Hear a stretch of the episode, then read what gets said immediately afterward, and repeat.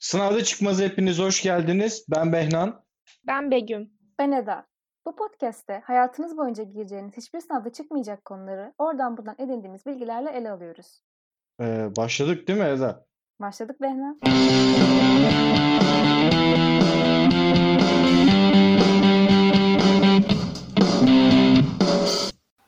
Merhaba, yeni bölümümüze hoş geldiniz. Bugün linç kültüründen bahsedeceğiz. Soru, neden linçliyoruz? Şimdi öncelikle şöyle bir şey bence. Ee, sosyal medyada özellikle bu linç sosyal medyada yaşandığı için e, karşındaki insanla kolayca iletişime geçme özgürlüğüne sahip oluyorsun ve e, bir noktada da aslında bu kolaylaştırıyor bence. Şöyle bir şey de var. E, mesela gerçek hayatta söyleyemediklerini söyleme özgürlüğüne sahipsin. Behna? Begüm. Begüm ne düşündüğümü merak etmiştin. Düşüncelerimi paylaşıyorum. Evet. Şimdi toparlıyorum.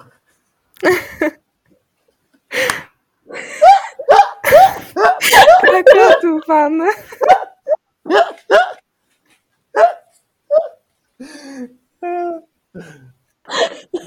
Ay. Durun tamam. Evet.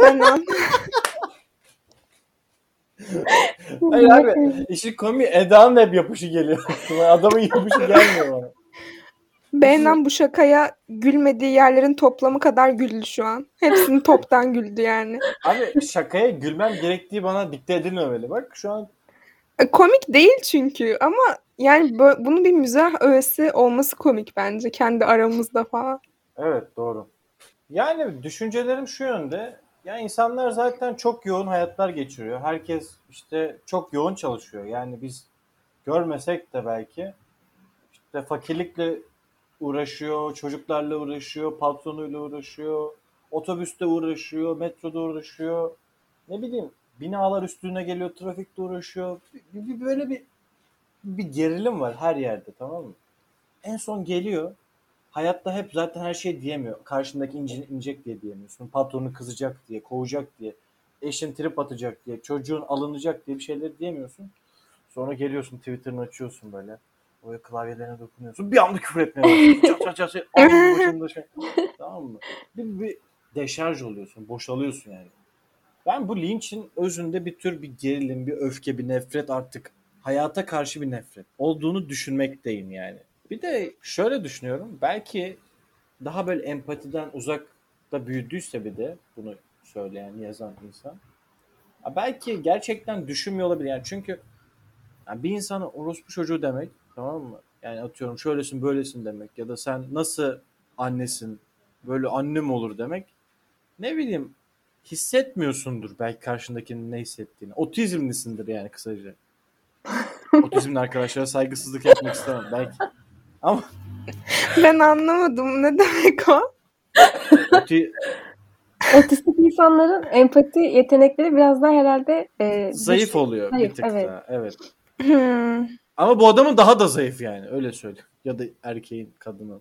Ee, o zaman linç yapma motivasyonunu şöyle senin gözünden alırsak e, gündelik yaşamda yaşadığı şeylerin işte sinir olur, üzüntü olur. e, bunları aslında e, o an çıkaramıyor. Yani içine atıyor ve bunları mesela akşam eve geldiğinde işte Twitter'a giriyor, ona buna laf atıyor falan. Bu şekilde çıkarıyor diyorsun. Sanırım Yani böyle böyle- özetleyebiliriz. Ya ben bir psikolog değilim ya da sosyolog da değilim ama böyle olabilir yani. Ya iyi de onların bu site atma paylaşımları yüzünden sırf linçleneceğim diye işte düşüncelerini yazmak istemeyen insanlar ortaya çıkıyor. Evet zaten ben linçleyen insanları da savunmadım. İyi de Hayır ya ben onu demedim. Yani evet evet. linçleyen insanların hani kötü bir site satma yöntemi yani. Ben bunu burada söylemek istiyorum. Başkalarına Hmm, zorbalık yaparak Kesinlikle.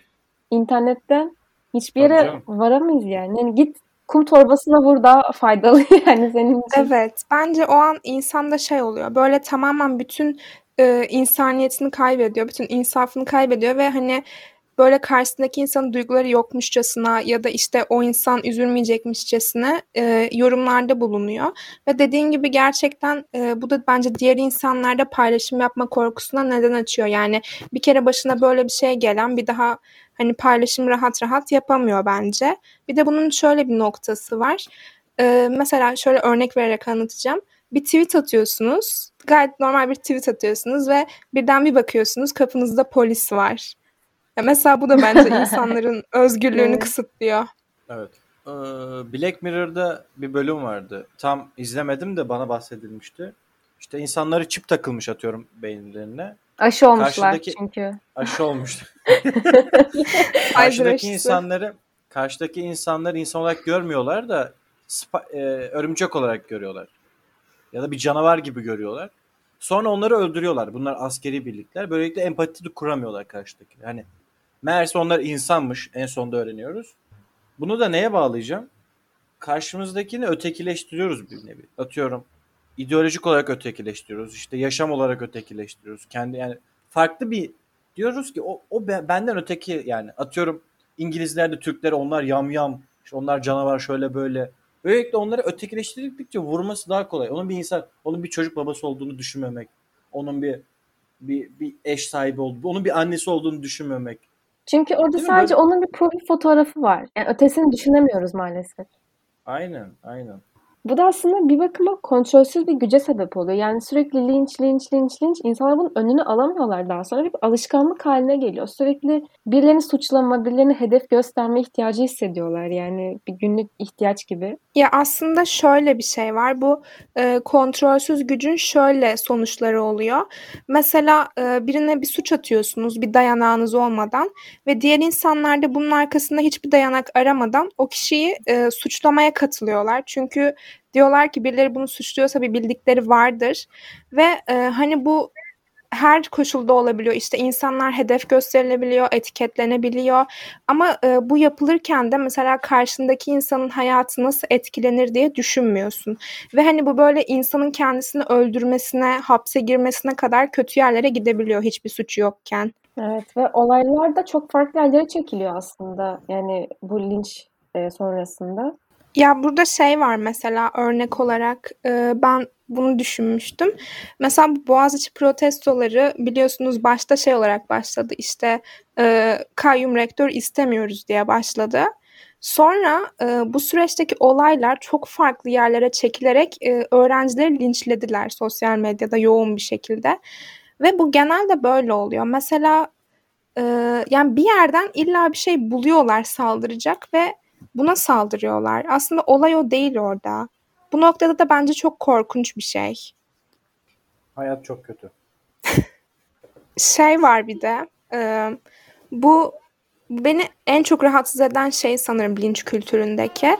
E, böyle belirli bir ünlülüğe sahip kişilerin işte ne bileyim bir oyuncu olur ya da ne bileyim işte bir influencer olur, bir yazar olur. E, bir olay gerçekleşiyor. Mesela bir deprem oluyor diyelim. Önceki bölümde bahsetmiştik mesela bundan. Bir deprem oluyor. Diyorlar ki mesela işte bu kişi paylaşım yapmıyor deprem hakkında. Diyorlar ki neden paylaşım yapmadın? Ya da diyelim paylaşım yapıyor. İşte şurada da şu olay olmuştu. Neden onu paylaşmadın? Bunu paylaştın. Ee, böyle ünlü insanlar üzerinde çok büyük bir sorumluluk e, ve dayatma var bence. Yani bu insanlara çok büyük sorumluluklar veriliyor ve ne yapsalar yaranamıyorlar. Bu noktada da mesela yaptığı paylaşıma göre işte yok sen şucusun, yok sen bucusun falan diye saçma sapan etiketliyorlar insanları. Evet, evet. Evet, insanın genelleme yapmaya, böyle kalıpları koymaya ihtiyacı var tabii yani. Hayatta kalmak için. Ben bunun bir tür evrimsel şey olduğunu düşünüyorum yani. Evrimsel Koruma- psikoloji. Mekanizması. Evet. Bizim. Mesela atıyorum sana şöyle söyleyeyim. Aslan saldırıyor sana tamam mı? O aslan saldırınca işte kırmızı ve aslan mıydı, sarı ve aslan mıydı, yelesin vardı. Abi sana saldırıyor. Çok dikkat etmiyorsun direkt. Sonra diyorsun ki tüm aslanlar bana saldırabilir diyorsun. Tamam mı? Bunun da e, hani bir tür değişiği atıyorum kendinden farklı birisini görüyorsun. Diyorsun ki ya işte bu benden farklı. Hepsi aynı bunların abi. Ya ama mesela bu da şey mi? Ee, bu kişiye sorumluluk yükleme hakkını sana veriyor mu? O kişi mesela sırf fazla takipçisi var diye bu noktada paylaşım yapmak zorunda mı? Ben mesela bu konuyu hep şey olarak düşünüyorum. Bu bir hastalık var işte SMA hastasım. Öyle bir hastalık var biliyorsunuzdur belki bebeklerde oluyor. Mesela Instagram'da bu kişiler yardım için sayfa açıyorlar ve sürekli e, hani anlayabiliyorum çaresiz bir durumdalar ve çok paraya ihtiyaçları var. Mesela ünlü kişilerle e, iletişime geçmeye çalışıyorlar. Ama mesela bazı insanlar hani bu konuda şey yapmak istemiyor. Ne bileyim story atmak istemiyor. Diyorlar ki story atar mısın? O da hani ben böyle paylaşımlar yapmak istemiyorum diyor. Ama bir noktada da bu kişinin vicdanen e, rahatsızlığına yol açıyorlar. Yani hani hem bu paylaşımı yapmadığı için kötü hissediyor hem de e, kendi paylaşmak istemediği bir şeyi paylaşmadığı için suçlu hissetmemesi gerekirken suçlu hissediyor falan. Bence bu çok büyük büyük ya. Kimse buna maruz kalmamalı diye düşünüyorum. Herkes özgür ve kimseyi ne paylaştın ne paylaşmadın diye yargılamamak lazım. E, bu konuşmaların ifşa edilmesi bile bence çok yanlış. Yani iki kişinin arasında geçen bir şey ve hani sırf paylaşmadı diye ifşa edip bunu halkın ortasının önüne atan işte nefret kusun mantığıyla e, paylaşan insanlar da var. Ne diyelim? Hayırlısı. Ee, bir de ben küçücük şeyden bahsetmek istiyorum bu arada. Bu mesela linç dediğimiz şey de platformdan platforma değişiyor. Mesela Twitter'da sizin düşünceleriniz linçlenirken Instagram'da dış görünüşünüz linçleniyor falan. Hani bu da çok ilginç bir şey aslında. Mesela Facebook ne kadar barışçıl bir ortam? Hiçbir şey linçlenmiyor abi orada. For Eda kardeşim. For Behnan Kirve. Facebook temiz. te- Facebook kullanalım. Facebook reklamı da buradan yapıyoruz.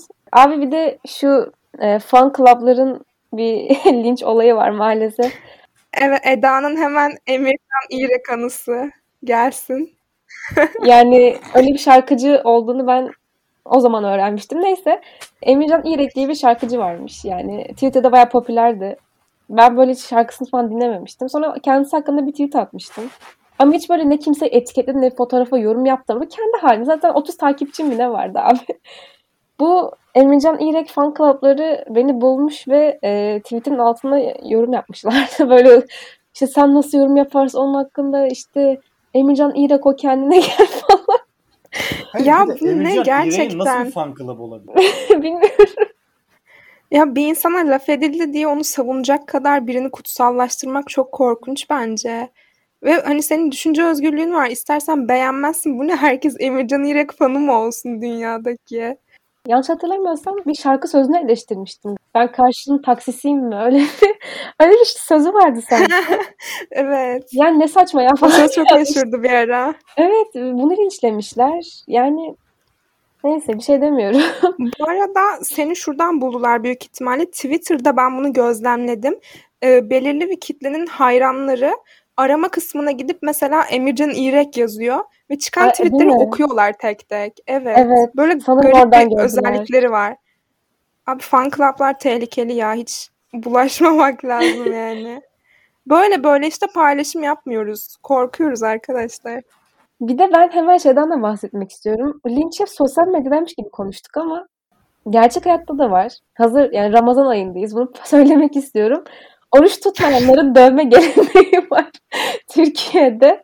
Bu da aslında bir bakıma yani gülüyoruz şu an ama cidden çok kötü bir şey. Ya bir şey diyeceğim. Bu arada ben bu yıl hiç dövme haberi görmedim. Türkiye bence son zamanlarda çok Sokağa çıkma yasağı sekülerleşti. vardı ondan. Evet çok uyuyoruz ya sokağa. Sokağa çıkma yasağı var mı gerçekten? Yani burada bunu mu tartışalım? Bence abi yok Bence yani. var kardeşim. Ben ben ben uyuyorum. Bence var. Arkadaşlar Behnan yani ben hayatımda bu kadar kurallara uyan bir insan Değil görmedim. mi? Değil mi? Süper. İnanamazsınız. Örnek bir vatandaş yani. Model olarak al koy derslerde okutulsun. Canım kıymetli. Koronanın şakası olmaz. Maskemi taka. Evde bile maske takıyordum ilk günlerde. Behnan'ı siz şu an görmüyorsunuz ama Behnan'da gaz maskesi var şu an bizim kaydı yaparken. Bilinçli bir vatandaş. Peki mesela linçlen biri haklı mıdır? Hayır. Değildir yani. E, linçlenen her zaman ama linçlenen de her zaman haklı değil bu arada. Yani e, linç değil de yapıcı eleştiriler olsa sanki dünya daha güzel bir yer olur. E, Evet. ırkların kardeşliği, el ele tutuşup şarkı söyleriz falan. Linçlemeyelim insanları. Olmuyor böyle. O zaman toparlıyoruz. Evet toparlayalım. Bugün Özcan, yurdum insanı Özcan Özçelik'in deyimiyle toparlıyoruz. E, Bugün ya kısa bir bölüm oldu ama bence bunu konuşmamız gerekiyordu. Çünkü sosyal medya hem hayatımızın içinde hem de linç de hayatımızın içinde oluyor böyle olunca. Evet. Arkadaşlar linçliyorsanız linçlemeyin. Lütfen. İnsan olun. Hepimiz kardeşiz. Yapmayın böyle şeyler. Belki mesela bu sınavda çıkmaz ama hayat sınavında çıkar. Böyle de bir ipucu olsun Hadi size. bakayım. Ee, diyerek e, o zaman bölümümüzü kapatalım. Dinlediğiniz için hepinize çok teşekkür ederiz. Görüşmek üzere. Kendinize iyi bakın. Kendinize iyi bakın. Görüşürüz.